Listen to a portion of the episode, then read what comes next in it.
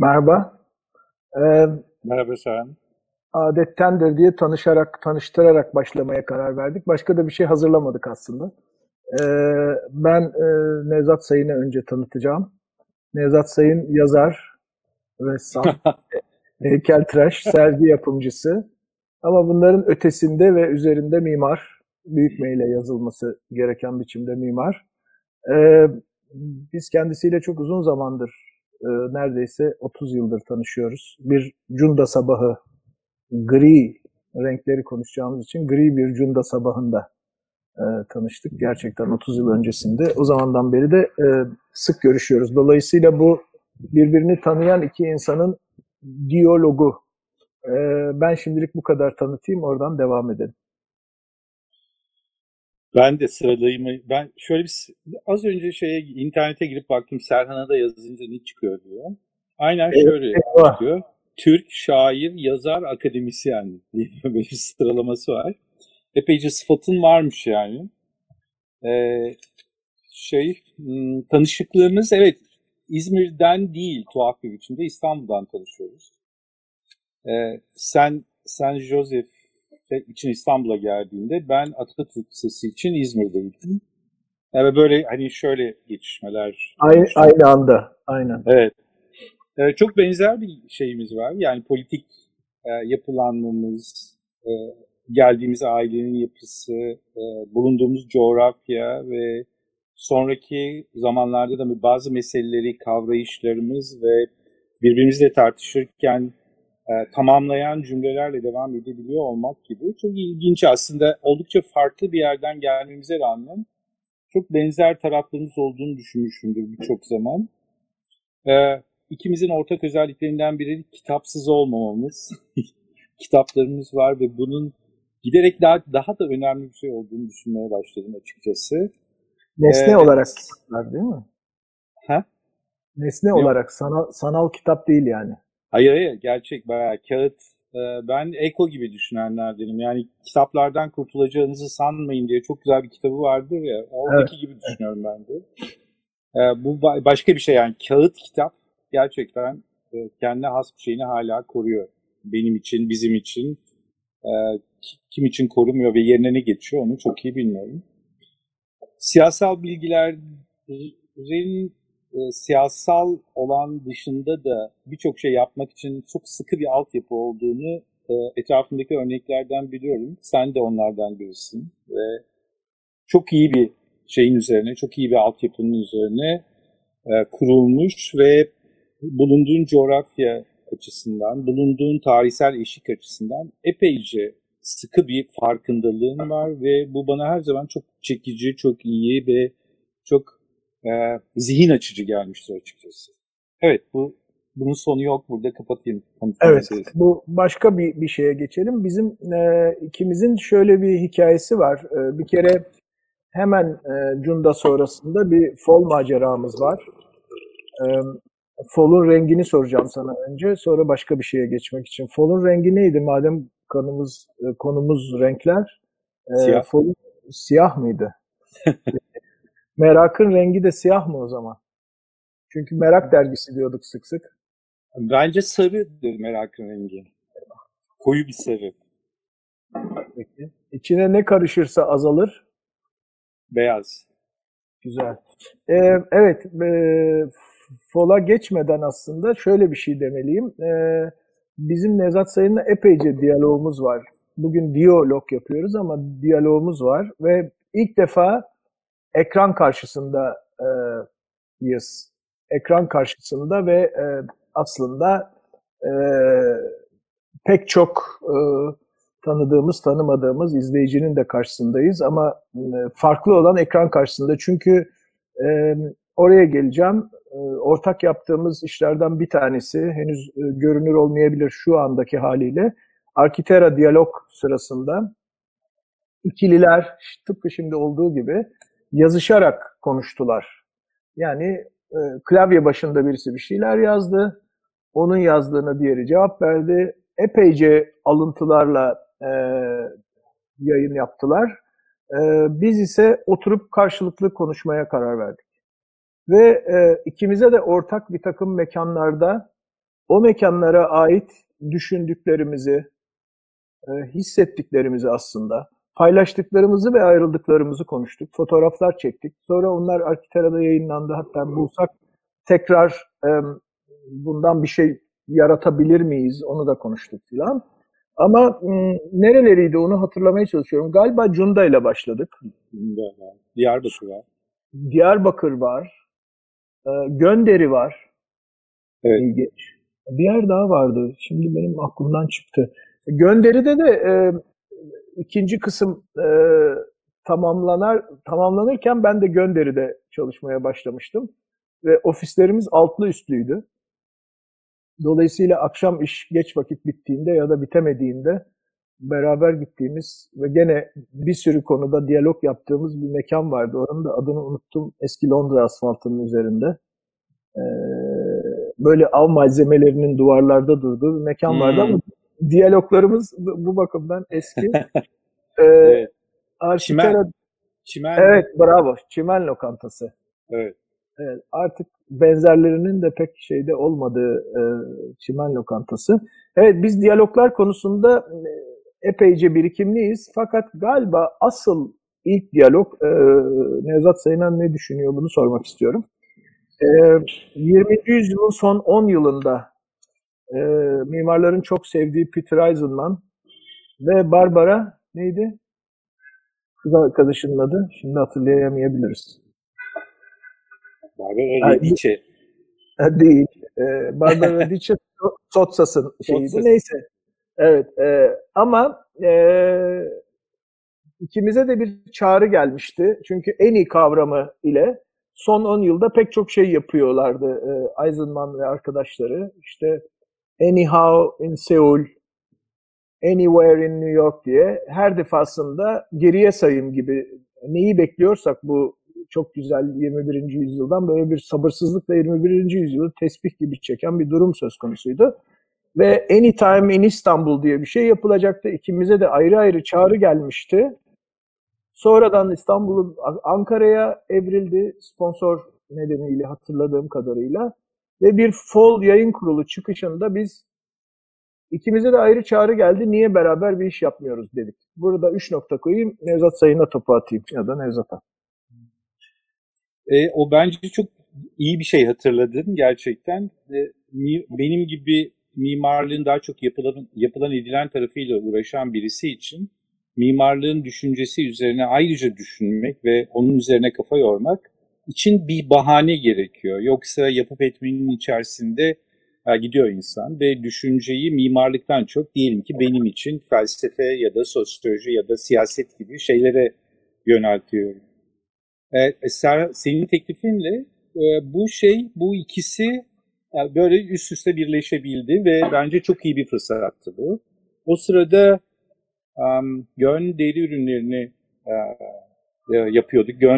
Gön'ün fabrikasını yapıyorduk ve e, orada bir şey vardı. Mekik formunda bir e, boşluk vardı ve bunun üzerine e, yani e, bunun üzerine ayrıca bir kafa yoruyordum, yorduğum bir dönemde. Yani birçok zaman mimarlıkta herhangi bir işlev için yapılan bir şey bir anlam daha yüklenerek diğerlerinden daha farklı bir biçimde bulunduğu yeri doldurmaya başlar.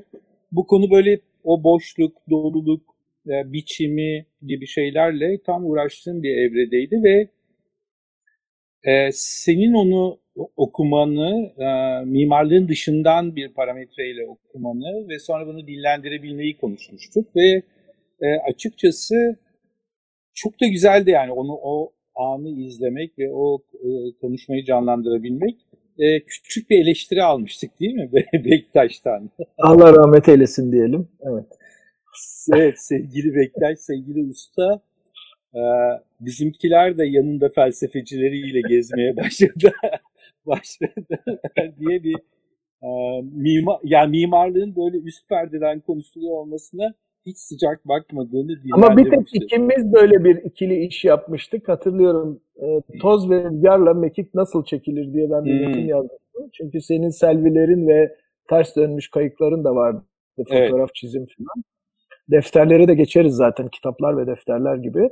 E, ve galiba miydi doğru mu hatırlıyorum? Ben mimarlık dışından olup da geçenlerde birisi sen mimarsın değil mi dedi bana. Çok güvenli bir şekilde. Yo dedim hiç öyle ilgim yok. Yani hatta çok da hoş karşılanmayan e, şeylerim oldu, mimarlarla alışverişlerim oldu. E, evet yani biraz da e, Nevzat Sayın'ın defterleri e, bilen bilir. E, sonradan e, resim dünyasına da başka şekilde intikal ettiler. Özellikle en son labirent sergisiyle. Hem resim olarak hem heykel olarak hatta. E, ama defterleri öyledir. Benimkileri çok az insan biliyor. E, ama bizim kitap kadar defterle de ilgimiz var. E, dolayısıyla mürekkeple de ilgimiz var bir anlamda. E, ellerimiz kirli o anlamda. e, ve yani ortak ortak yaptığımız ilk iş galiba e, bu e, mekik meselesiydi. E, evet rahmetli e, ustadan da azarı işitmiştik. E, evet sonra nasıl devam etti? E, hatırlıyor musun? Arkitera diyalogla mı devam etti? Evet, Arki- Arkitera Diyalog aslında onun şöyle oldu. Ya, yaptı, birlikte yaptığımız her şeyi yayınlamış değiliz ve seninle aramızdaki bu mimarlık üzerine, yer üzerine, coğrafya üzerine, e, kendi içinde bulunduğumuz yakın çevremiz ve zihinsel olarak içinde olduğumuz uzak çevremiz üzerine her zaman aslında sıkı konuşmalar yaptık. E, Bazen o üzerinde konuştuğumuz şey çok yakınımızdaydı, bazen çok uzağımızdaydı ama zihinsel olarak çok yakınımızdaydı. Ee, s- şeyin yani ikimiz de aslında mimarlığın ve siyasal bilgilerin merak böceği bölümünden e, nasibimizi aldığımız için o karşılıklı dürtme meselelerinden uzak kalmamıştık ve e, bir kere daha şöyle bir şey benim için önemliydi açıkçası. Başka disiplinden biriyle e, kendi disiplinim üzerine konuşmak ya da kendi disiplinimin içinden onun disiplini üzerine konuşmak çok çok ilginç bir şey yapıyor. Çok ilginç Hele bir benim gibi disiplinsiz biriyle yani. Disiplinsi. Ama işte o Yani disiplin Ya da çok disiplinli diyelim Evet, yani. değil- O, o e, meşhur olduğu için o kelimeyi kullanmak istemiyorum. multi ile başlayan değil mi? E, multi, inter, Inter. cross. Evet, o interdisipliner meseleye de oldum bittim çok fazla itibar etmedim açıkçası. Ya ben şöyle anlamaya daha yakınım. Ben her şeyi yapmayayım ama kendi yaptığım işi iyi yapayım. Sonra o işi iyi yapan başka insanlarla birlikte bir şey yapabileyim. Bu daha çok tercih ettiğim şey. Ara, ara sıra vurkaç e, başka alanlara girip çıkmak hariç yani onu çünkü e, asıl işim gibi görmediğim için o küçük dokunuşları bunun içerisine koymuyorum. Onlar olabilir diye düşünüyorum. Biraz önce senin saydığın e, sanatın alanına doğru meyleden işler gibi mesela. Evet, e, aslında Nevzat Sayın'ı tanıtırken yazar demem boşuna değildi. Çünkü aslında yazarın arkasında okur var önce. E, benim son kitabımda yazdığım gibi okumadan yazılmıyor diye bir şey, bir cümle çıkmış bir şekilde yazarken. E, çok da yazan bir mimar aslında. Sadece mimarlık üzerine de yazmıyor.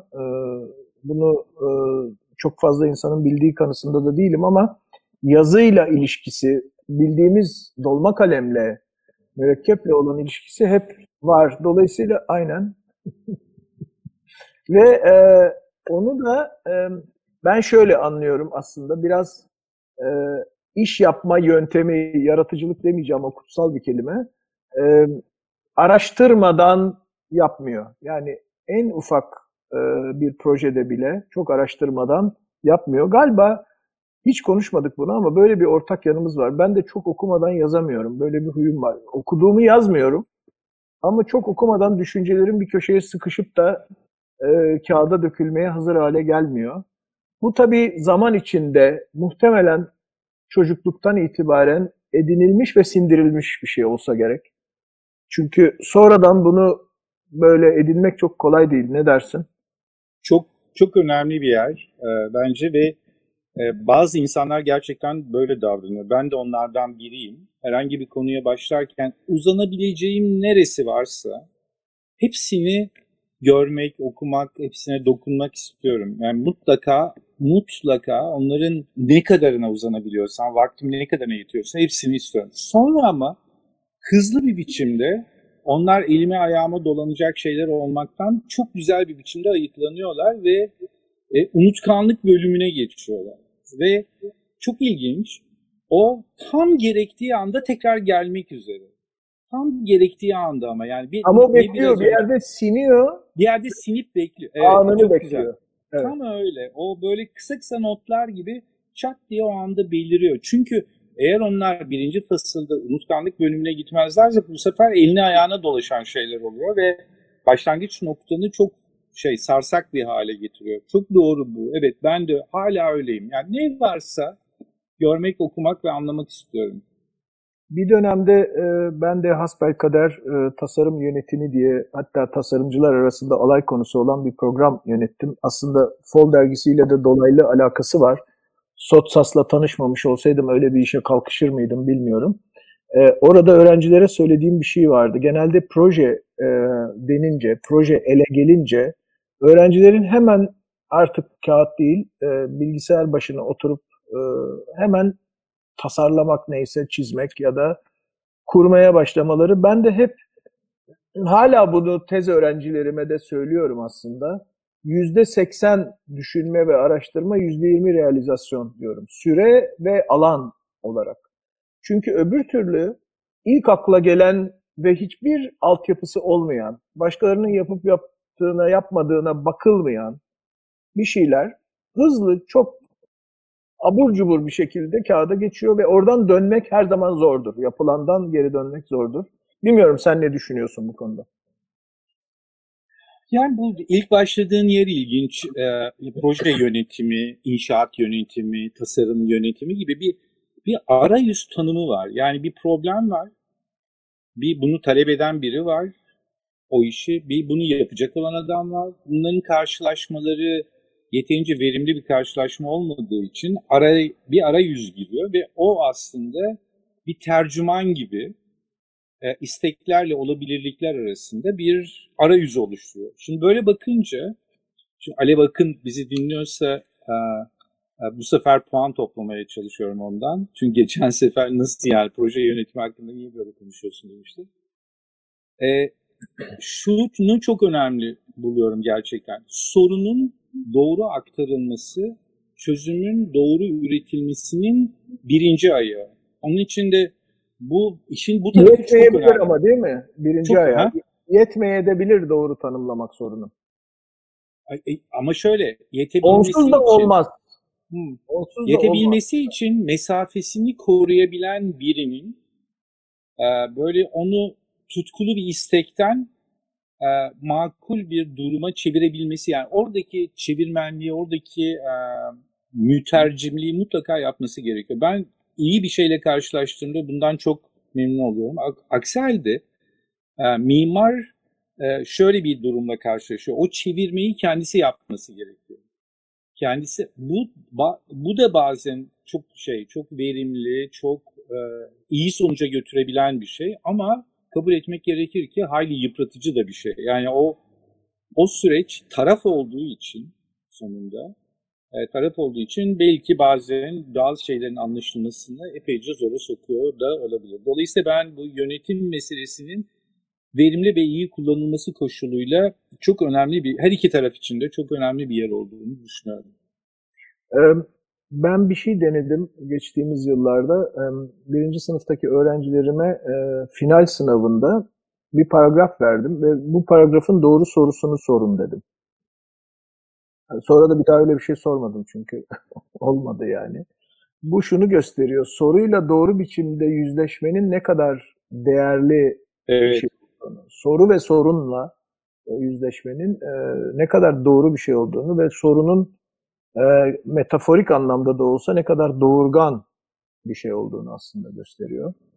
Bu senin e, öğrencilerine sorduğun soruyu e, ben bazen işverenlerimle e, toplantıya girerken yapıyorum. Bir kağıda bu toplantıda gelebilecek sorular diye bir şey yazıyorum. Ve çok ilginç. Mesela 5 tane soru sor- yazıyorum değil mi? Bazen tam o 5 soruyu soruyor. Ne 6 ne 4. Çok çok ilginç bir şey yani. Bu bu konuda çok güzel örneklerim var ve bu anlaşmanın önünü çok güzel açan bir konu oluyor açıkçası. Evet. Yani e, doğru sorulmuş bir soru ortada e, çözüme böyle yatkın bir zemin, tarla ne dersek Evet. diyelim sürülebilir bir alan soruyor. Şimdi renk de e, konuşmamız zımnen de olsa beklendiği için bir, bir miktar ona geçmek istiyorum. E, gene fola döneceğim çünkü e, ona da müteveffa dememiz lazım ama rahmetli diyebileceğimiz Sotsas'la yaptığımız bir sayı vardı. Belki burada hatırlatmak lazım. Fol'un her sayısını e, bir editör yapıyordu. Yayın kurulu onun önerileri üzerinden e, geliştirerek çalışıyordu ve burada e, sevgili ortak arkadaşımız Sami Rıfat'ı da rahmetli anmak durumundayız. Baştan beri de böyle bir durum oldu ama Evet, onun da e, yayın kurulunda ve yaptığı bütün çalışmalarla, metinleriyle, çevirileriyle, fotoğraflarıyla ne kadar güzel katkıları vardı Fol'a. E, Defne Koz aracılığıyla e, Sotsas'ın editör olma ihtimali ortaya çıktığında hepimiz çok sevinmiş ve heyecanlanmıştık. Ve Beyaz Sayı diye bir önerinin önümüze geldiğini hatırlıyorum birdenbire. Hepimiz irkildik nasıl Beyaz Sayı? Çünkü Nevzat Sayın Fol'un rengini söyledi başta. Ona ters bir durumdu. Ee, sonra e, gerçekten Barbara Radice ile e, şey geldiler Ettore.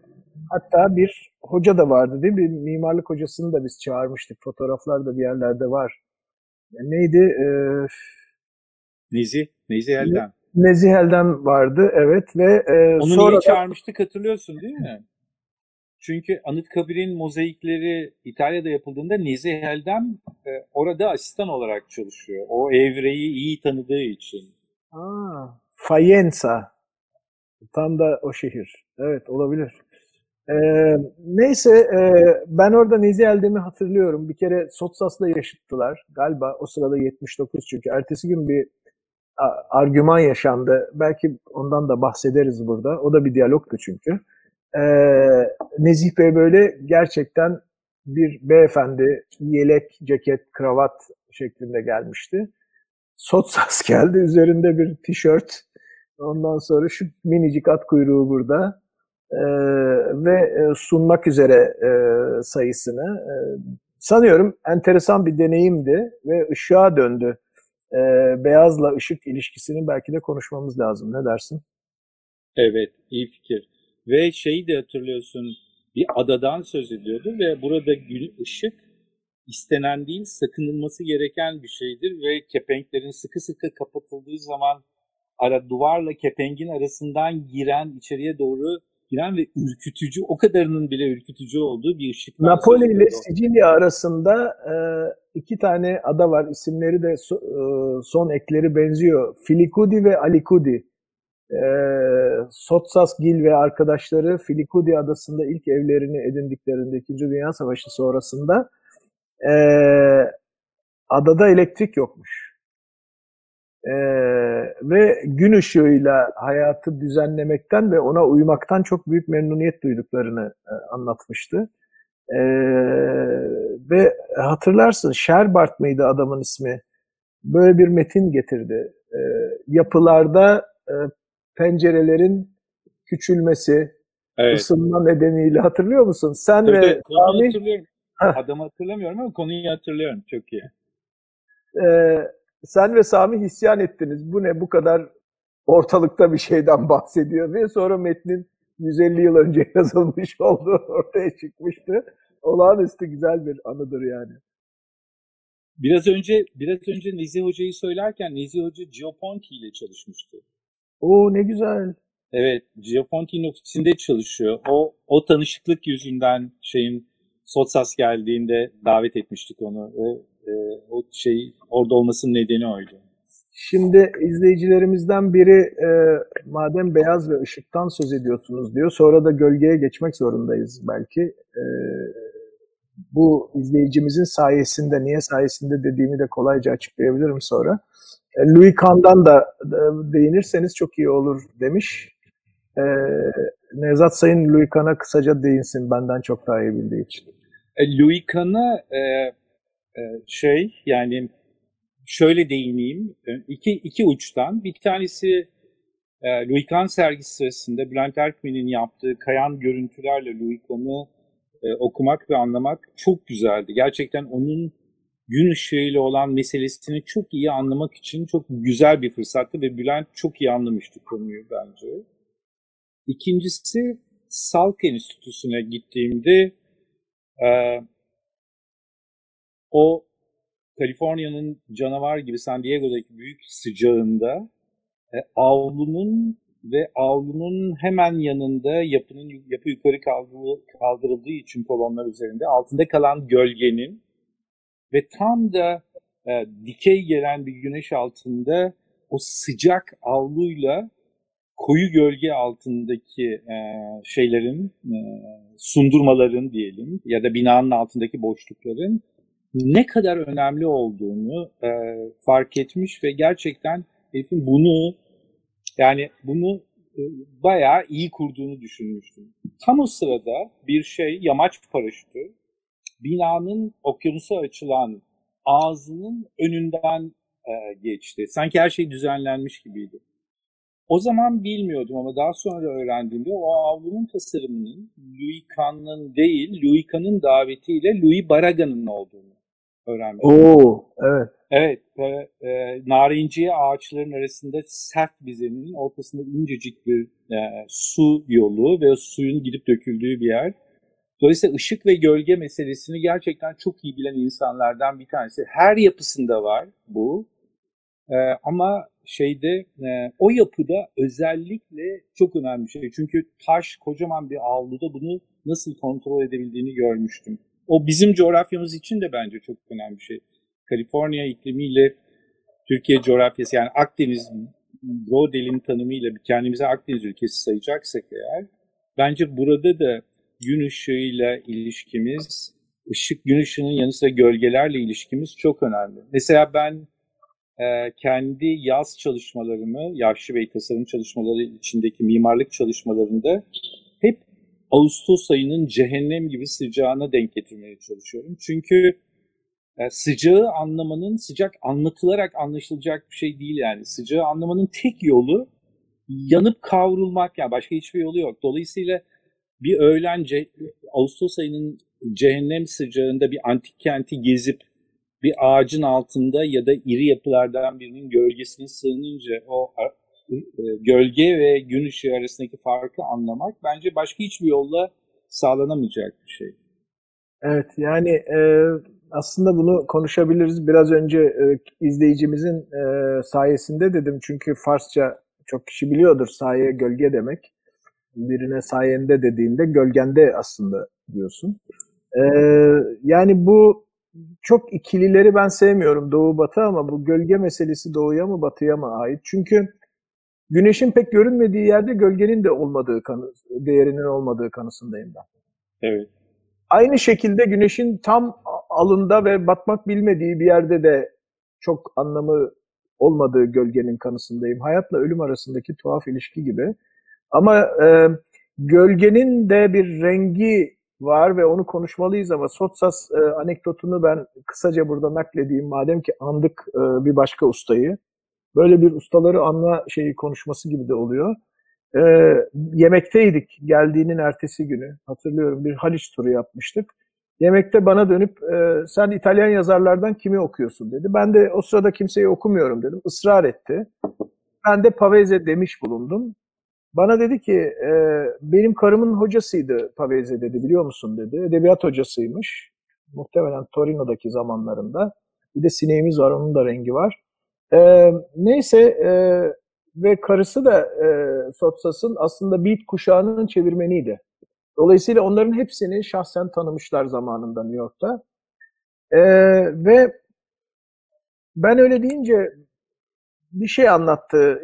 E, Pavese hayranmış e, karısına, öğrencisine vaktiyle. Hatta görüşelim demiş. E, ve e, ama kadıncağız da şimdi adını hatırlayamıyorum. E, demiş ki tamam ama benim Ettore'ye sözüm var yani Sotsas'la bir yemek yemem lazım yeriz demiş hocasına filan. Ertesi gün beni aradı diyor. Ve dedi ki e, Pivani şimdi unuttum. Fernanda Pivani e, ismi. E, Ettore korkunç bir şey oldu demiş telefonda. O da Ya başlama gene korkunç hikayelerinle falan. Bu defa gerçekten korkunç bir şey oldu falan. Ya söyler misin ne olur deyince Cesare yani Pavese intihar etti demiş. Şimdi Sotsas bana bunu naklederken bizi dinleyen Barbara, kız arkadaşı diyelim. Sen de dedin ya, böyle döndü ve şey dedi, Ettore 79 yaşındasın ve romantiksin dedi. O da her zamanki sakin sesiyle Barbara, 79 yaşındayım, romantiyim ve Marksistim dedi. Bunu hiç anekdot olarak unutamıyorum. Evet ne dersin gölgenin bir rengi var mı? Çünkü buradan Ege'ye gelmek istiyorum bir ucundan. Ya bence kesinlikle var. Ee, önce tonu var, sonra renk, rengi var. Mesela zeytin Hani ağaçları. gri deyip geçemeyiz mesela gölge. Hayır. Gri. Mesela zeytin ağaçlarının çok çok ilginç böyle yeşil gri bir şeyi var. Gümüşi bir ha, gölgesi var.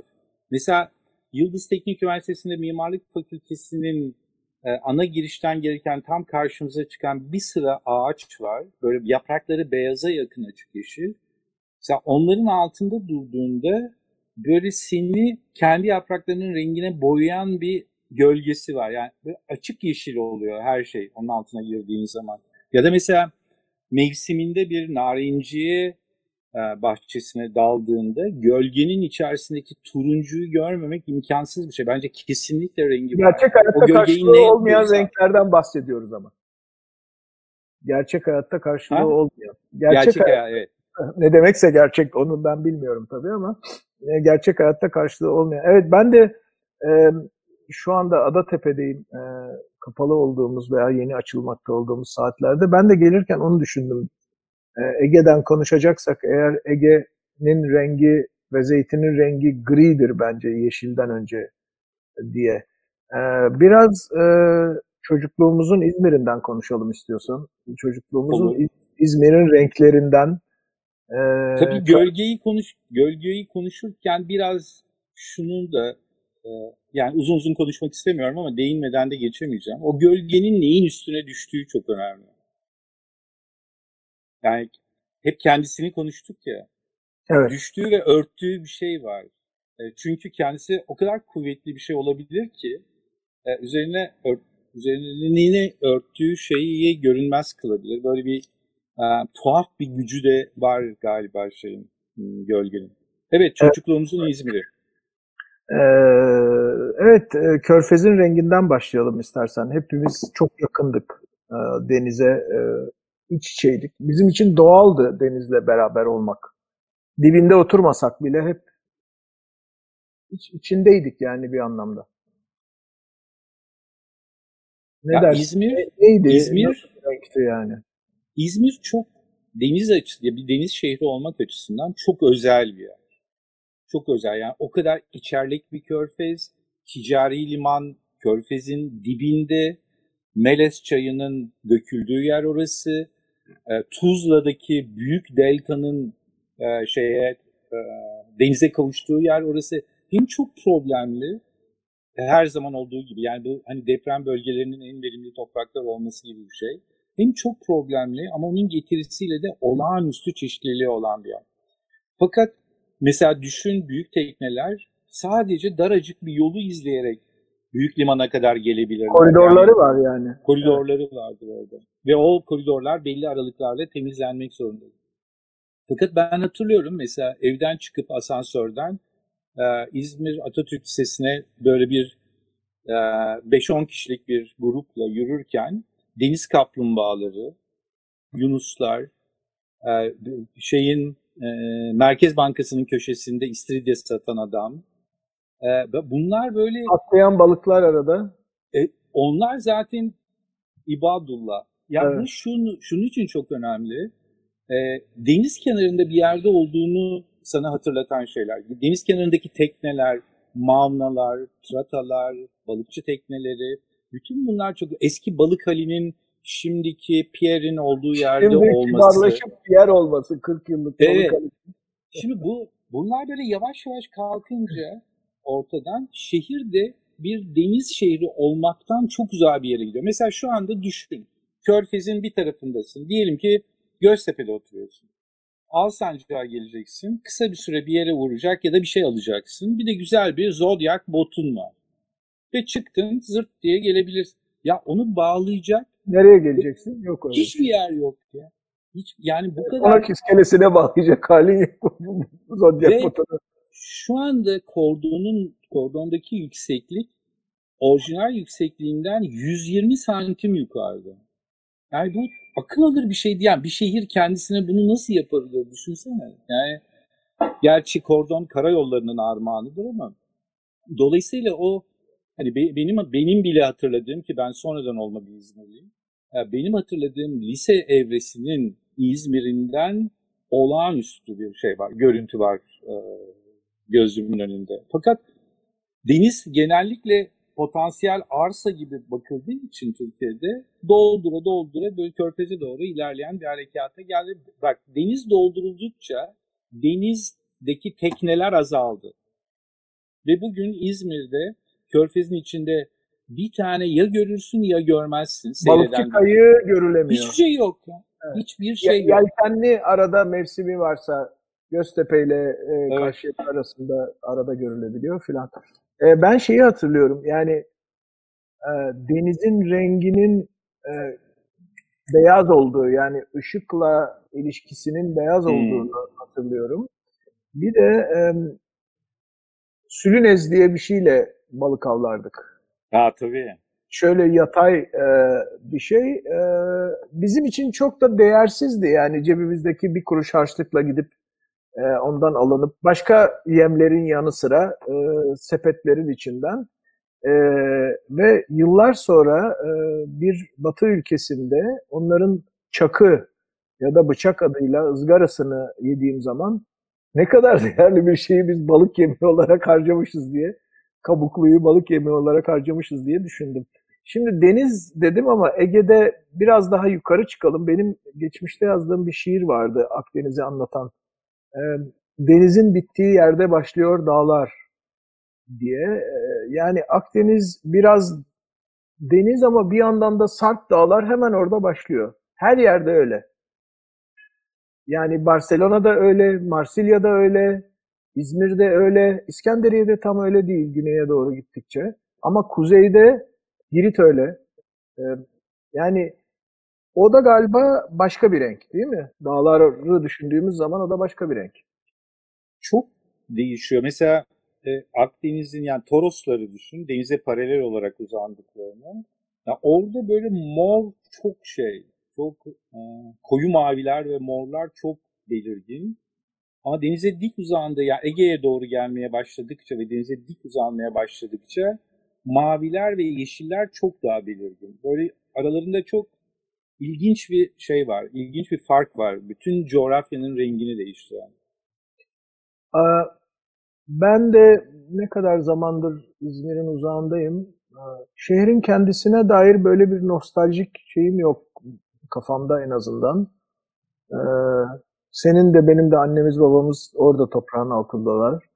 Ee, Fakat e, bir tek makilerin ilk, ilkbahardaki kokusuna dair bir şey var ki önemsediğimiz bir şey değildi. Makiler geçerdik.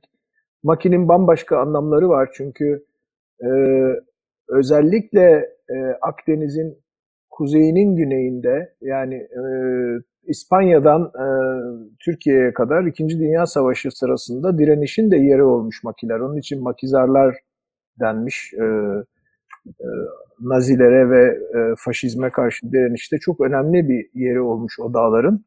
E, ve onu düşündüğüm zaman, onların kokusunu düşündüğüm zaman böyle tuhaf sarı kahverengi bir renk geliyor gözümün önüne. Makiler biliyorsun e, hayvanlar için de olağanüstü bir yaşama mekanı. Kuşlar için, e, sürüngenler için, domuzlar için falan. Yani o böyle şey onların altlarını boşaltıp kendilerinin yuvası yapabildikleri ve kendi evleri yapabildikleri bir yer. Onun için de gerçekten orman kadar belki daha da önemli bir şey Ege coğrafyası için. Bir de hepsi ıtırlı neredeyse. Yani hiçbirisi böyle bir e, tarafsız bir yeşil gibi değiller. Sarılıkları da, boz renkleri de aslında. Ne güzel bir renk boz değil mi? E, Çok. aslında çok koku barındırıyor. Yani o tozlu halleri bile bir koku barındırıyor. o ikisini muhtemelen ikisini birlikte o sarı ve bozla makiyi birlikte anmanın nedeni şu olsa gerektir. Ee, orman olamayacak kadar sarp yerlerde de yetiştiği için şey maki o kendisinin örttüğü alanların genellikle alanlarla arasında müthiş bir gerilimli şey vardır. O gri sarı kayalıkların Evet. ya da kıraç toprağın içerisinde o koyu yeşil renkleriyle belirir. Kendisi belirdiği gibi o sarıyı da iyice belirgin hale getiriyor. Mesela o tersinden anlatmak gibi neredeyse. Sanıyorum aklına çakılan çünkü makinenin kendisi e, genellikle koyu yeşili çok hakim bir şey olduğundan e, etrafıyla birlikte kaldığı için e, aklında rengi oradan şey yapıyor. E, Oradan- hafızana oradan yerleştirmiş. Oluyor. Evet. Yani enteresan. Ee, İzmir'i düşündüğüm zaman, e, çocukluğumuzun İzmir'ini düşündüğüm zaman e, ciddi bir şekilde kıymetini bilmediğimiz biraz önce sö- sözünü ettiğim deniz gibi, e, senin bahsettiğin Körfez'in hikayesi gibi bizim için hep vardı. Yani ekstradan bir şey değildi, gidilen bir şey değildi. Oradaydı zaten. Serhan bu kıymetini bilmek konusunda bir, bir şey var. Yani şu İzmir deyince imbat demeden olmaz. Ve dü- dünyanın en ilginç rüzgarlarından bir tanesi. Körfez'in içinden bütün kıyılara doğru esme becerisi olan bir rüzgar düşün. Onu da Böyle bir engelledik şekilde- ama. Evet, o böyle bir şehirde yaşıyorsun ve birinci sırayı apartmanlarla dolduruyorsun. Yani Giderek hani bunu Yükselen- düşünet ne yapsak da bir kötülük yapsak desen herhalde bunu yaparsın işte. Yani daha iyi bir şey yapacak halin yok. Yani imbatı imbatı neredeyse yok eden ve konuşulmasını bile imkansız hale getiren, nefes almayan bir takım Evet. yapılar. Ee, Karşıyaka sahilindeki o dar sokaklardan birine sonra diğerlerine de rahmetli babam şey demişti. Birinci Kanal Sokağı, ikinci Kanal Sokağı, New York'taki sokakların isimleri gibi yani. Çünkü hakikaten böyle bir rutubetli kanal e, hissi uyandırmaya başlamıştı o şeyi yaptıktan sonra. Ee, Bu bir şey bir şey daha var bu noktada yani artık imbatın olmaması gibi mesela Ege'de olmak, İzmir'de olmak falan bunlar böyle kendine has nitelikleri olan, kendine has özellikleri bu başka bir coğrafyadan söz ederken de olabilir. En iyi bildiğimiz yer orası olduğu için ve oradan olduğumuz için bunu konuşuyoruz. Ee, bunun yanı sıra şu da yok oluyor. Mesela sen kendini düşün. Ee, Türkçe hariç dört tane dili çok iyi bilen birisin. Girit kökenlisin. Ama Yunanca bilmiyorsun. Yani bu da bu da mesela tekneler azalıyor. E, Benim için Türk içeri- demişler ya senin okuduğun yerde. Türk olmak böyle bir şey zaten. Aha, evet. işte böyle garip bir biçimde tekneler azalıyor, imbat içeriye giremiyor, ormanlar kalmıyor falan der, denizin rengi değişiyor derken bu böyle nostaljik bir ah neydi o geçmiş zamanlar denilen bir şey değil yani. Küllüm bir unutma harekatına dönüşüyor. yani. Yer yok oluyor. Yer Evet. yani anlam taşıyan o şey yok oluyor. Mekan kalıyor geriye. Mekanda işte klimayla, aydınlatmayla, şunla, bununla, ekstra renklerle filan. Yani kendi rengi olan, dolayısıyla da hissi olan beynimizde bir iz bırakan mekan bence yok olmuş oluyor. Sen mesela şu anda Adatepe'desin değil mi? Evet, Yani- Dolayısıyla gidip gidip yine hala kendisi kalabilmiş olan en azından biraz önce söylediğim gibi insanlarıyla, geçmişiyle, tarihiyle, anılarıyla olmasa dahi ki bu da başka bir acıklı durum. Ee, özellikle içinde bulunduğun Adatepe için iyiden iyi acıklı bir durum. Ama buna rağmen hala gidip o mekanlara e, en azından e, yılın belli zamanlarında onlara değinmek, oralarda olmak gibi sanki böyle bir şey toplayacakmışız. E, Zihinsel olarak çok daha iyi bir yere gelecekmişiz gibi o coğrafyanın o parçalarına gidip dokunuyoruz. Bu senin çocukluk nesneleri tam İzmir ve çocukluk demişken e, mesela orada anlattığın her şey aslında ister şiirle ister nesirle e, ikisi- her ikisiyle de böyle çapraz okumayla gidince daha da açılıyor. Çünkü garip bir biçimde nesir daha uzun ama şiir daha uzun bir şey açıyor. Uzun bir yol açıyor önünde. E, orada mesela anlattığın bir sürü şey var. E, ve o nesnelerle çocukların ilişkisi üzerinden kurduğun bir sürü ilişki var. E, şimdi artık hiç olmayan şeyler onlar. E, kendileri olmayabilirdi ama hisleri de yok. Tıpkı bunun gibi bütün bu coğrafyaların kendine ait olan hisleri de yok oluyor hızla. Ve aynılaşıyor her yer. Dünyamız e, o anlamda fakirleşiyor da diyebiliriz bir bakıma. Ve, ve zenginleşmek gibi anlatılıyor. Evet ama o e, paranın getirdiği veya finansın getirdiği veya yeni paranın adı ne şimdi? Adını unuttum. Bir yeni para var. Ne kadar ilgisiz olduğum anlaşılıyor. Ee, Bitcoin. ha bak işte. Ee, dolayısıyla o tür bir zenginleşme, onun türevleri olan bir zenginleşmeden bahsediliyor. Ee, nesneler de il- ilişki de e, sosyal medyadaki karşılığı kadar anlamlı. Ee, şimdi bir izleyicimizin bir sorusu var. Bunun cevabı Nevzat Sayın'da var. Onun için e, şey yapayım. E, kentlerin renkleri doğrultusunda mimari tasarıma dair bir soru var. Mesela zeytin ağaçları gri yeşil dokusuna uygun. Tabii cevap birden fazladır muhtemelen ama ne dersiniz, ne dersin diye daha doğrusu sorayım. Ben Bandırma'da bir örnek gördüğümü hatırlıyorum çok net. Bunun bir reçetesi yok tabii ki ama e, etrafa dikkatle bakınca zaten içinde bulunduğunuz çevre size ne yapmanız gerektiğini usulca fısıldar. Bunla- Bunlardan bir bölümü de renk. Senin hatırladığın ev doğru. Yeşile çalan emprenyesiyle e, ahşap bir evi zeytin ağaçlarının arasına koyunca uzaktan baktığım zaman fotoğrafını çekmek için gittiğimde evi görememiştim. Yani o e, neyin peşindeyseniz bunu yapabilirsiniz. E, yeter ki bir biraz dikkatli ve özenli bir biçimde etrafa bakılsın. Sihirli şey orada. Ee, bana kalırsa ben e, Nevzat Sayın'ın mimarisine böyle Akdeniz'e çok yakışan bir gri derim. Ama onun bir başka özelliği var. Tıpkı Akdeniz'de olduğu gibi ışık çoğu kez de bu tamamen bendeki izlenim. Zaten renkler bence böyle bir şey. Belki sonuna doğru renk körlüğünden bahsederiz. Dolayısıyla renk gördüğümüzü sanıyoruz ama belki de onlar yok diye e, kapatabiliriz ama e, her zaman e, bir renk vardır. Tıpkı Akdeniz'deki gibi en gölge olduğu yerde bir yerden böyle bir dal e, yaprakların arasından bir ışık sızar. Genelde sarı olan ya da yeşil olan böyle e, bir renk bence hep vardır. E, bilmiyorum o benim yazılarımı nasıl bir renkle e, niteliyor. E, yani ben Zor, zor soru onu biliyorum da. çok zor soru ama e, yine bir az önce konuşmanın başında merakla sarı arasında bir e, şey kuruyordun, bağlantı kuruyordun. Ben senin yazılarında özellikle haiku e, kıvamına kadar getirdiğin şeyde, e, şiirlerinde merakın çok diri tutulduğunu düşünüyorum. Yani birkaç katmanlı bir biçimde üstelik.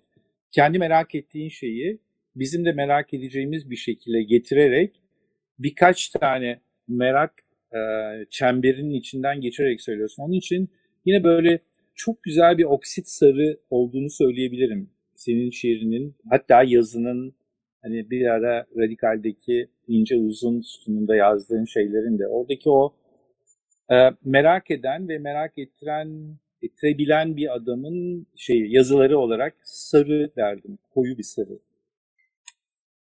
Evet, Ege'den devam edelim. Ee, sonra tabii taşların renkleri var Ege'de. Yani gerek dağlardaki kayaların renkleri var ama sonra da gelmiş geçmiş bütün insanların bıraktıkları izlerdeki taşların renkleri var. Ve sanıyorum e, Ege'yi belirleyen şeylerden biri o. Sadece bilinen, hani akla geliveren Efes, Bergama falan değil. Her e, köşe başında neredeyse karşımıza çıkıveren, her kıyıda varlığı olan, kutsal bir yer olsun, sanatla ilgili olsun, e, değil mi? Taşların da bir renkleri var aslında. Hem de nasıl? Üstelik mesela Bafa Gölü çevresine kadar uzandığın zaman ki başka yerlerde de var ama galiba en çok orada vardır. İçerisine krom madeni karıştığı için yüzeyi parlayan taşlar vardır ve onlar böyle büyük kayrak taşları gibi dümdüz yüzeylere girer. Hatta o dümdüz yüzeylerin üzerine akçora gömlekleri diye böyle bir hatırlar mısın? Hatırlamaz mıyım? O kadar sık, yani. o kadar sık bir şeydi ki o Ee, ve daha stensilin moda olmadığı zamanlardaki stensiller gibiydi. Her fırsatta da karşımıza çıkardı. Ben hiç kendisine rastlamadım ama yazısını çok net hatırlıyorum. Kendisinin ne olduğunu bilir misin? Yok hayır. Ya Akçora gömleği şu gömlek değil. Ee, lüks lambasının gömleği. o daha da güzelmiş. Tabii tabii. Onun için göremedik. Amyanttan ve yanınca hemen dağılmayan böyle küçük bir şey olurdu. Onun o gömlekten söz ediyor. Bir makine parçası. Çok güzel. ve o sıklıkta. Çünkü Ama köyde vazgeçilmez bir şey idi. İnanılmaz bir şey değil? Daha taş her yer. Evet tabii. ne güzel hatırladın doğru. Ee, lüks lambası demişken benim e, çocukluk nesnelerinde de e, gece lüferinin lüks lambası diye bir nesne var aslında. E, hayatta gördüğüm en acayip ritüellerden biriydi. Balıkçıların e, sandalın e, şeyine dibine ahşaplarla vurarak çember yapıp zavallı lüferleri ortaya almaları. Zavallı değil onlar da bence mutlulardı yani. E, meseleden bir şikayetleri yoktu. E, ve güzel e, güzel hatırlıyorum o şey. Gecenin ortasında bu tuhaf e, güm güm güm sopalarla e, kayıkların e, dibine e, vurulan sesleri.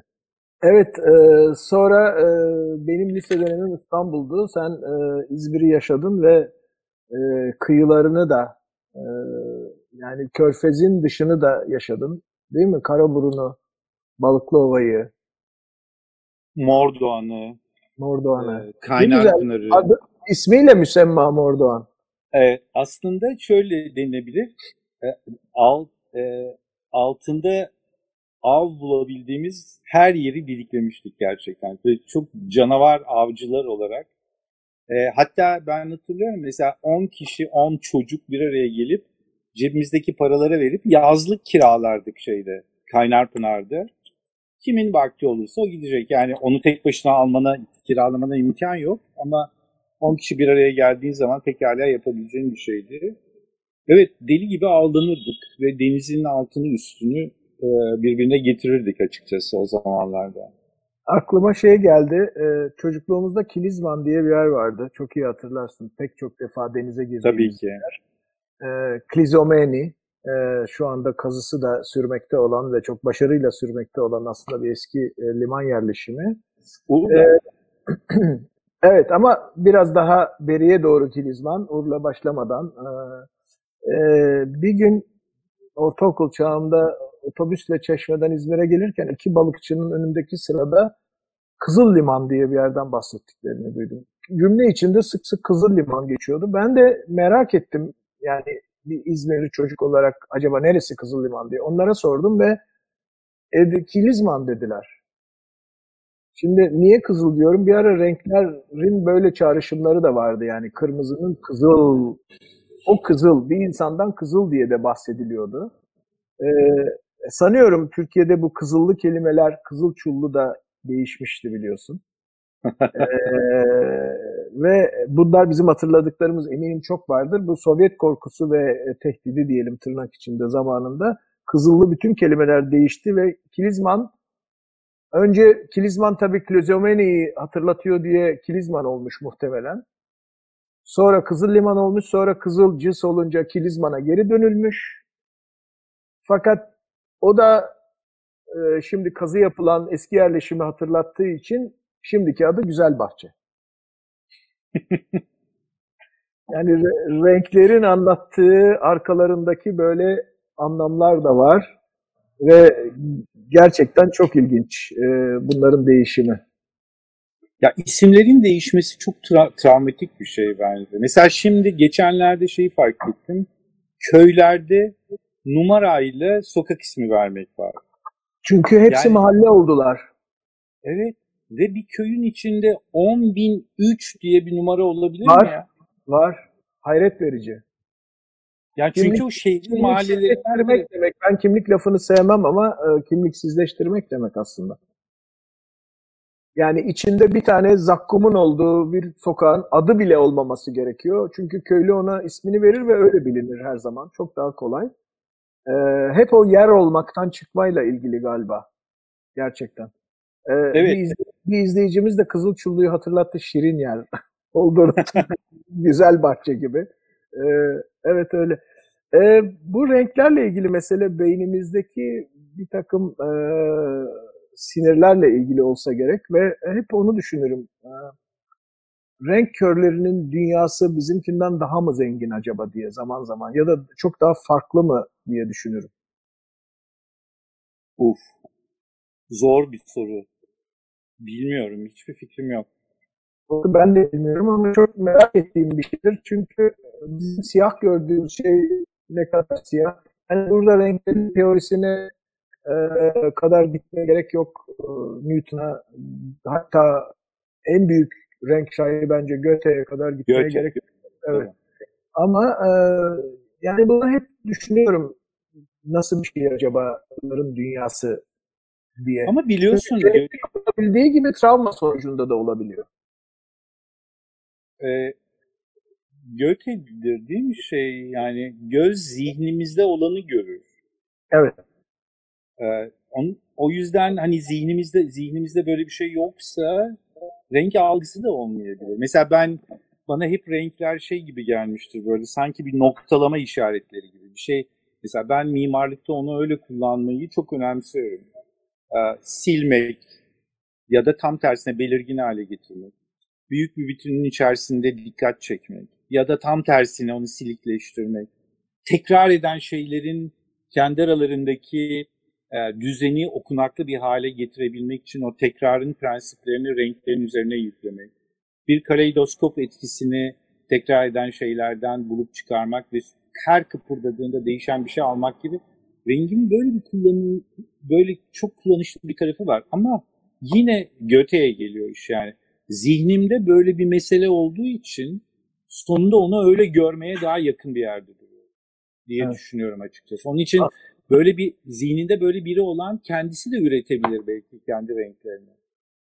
e, hafife alınmış bir sanatçı aslında sanatçının pozisyonunu da bir sürü başka laflar, ağır laflar etmiş insanlara göre söz konusu etmiş bir sanatçı Andy Warhol.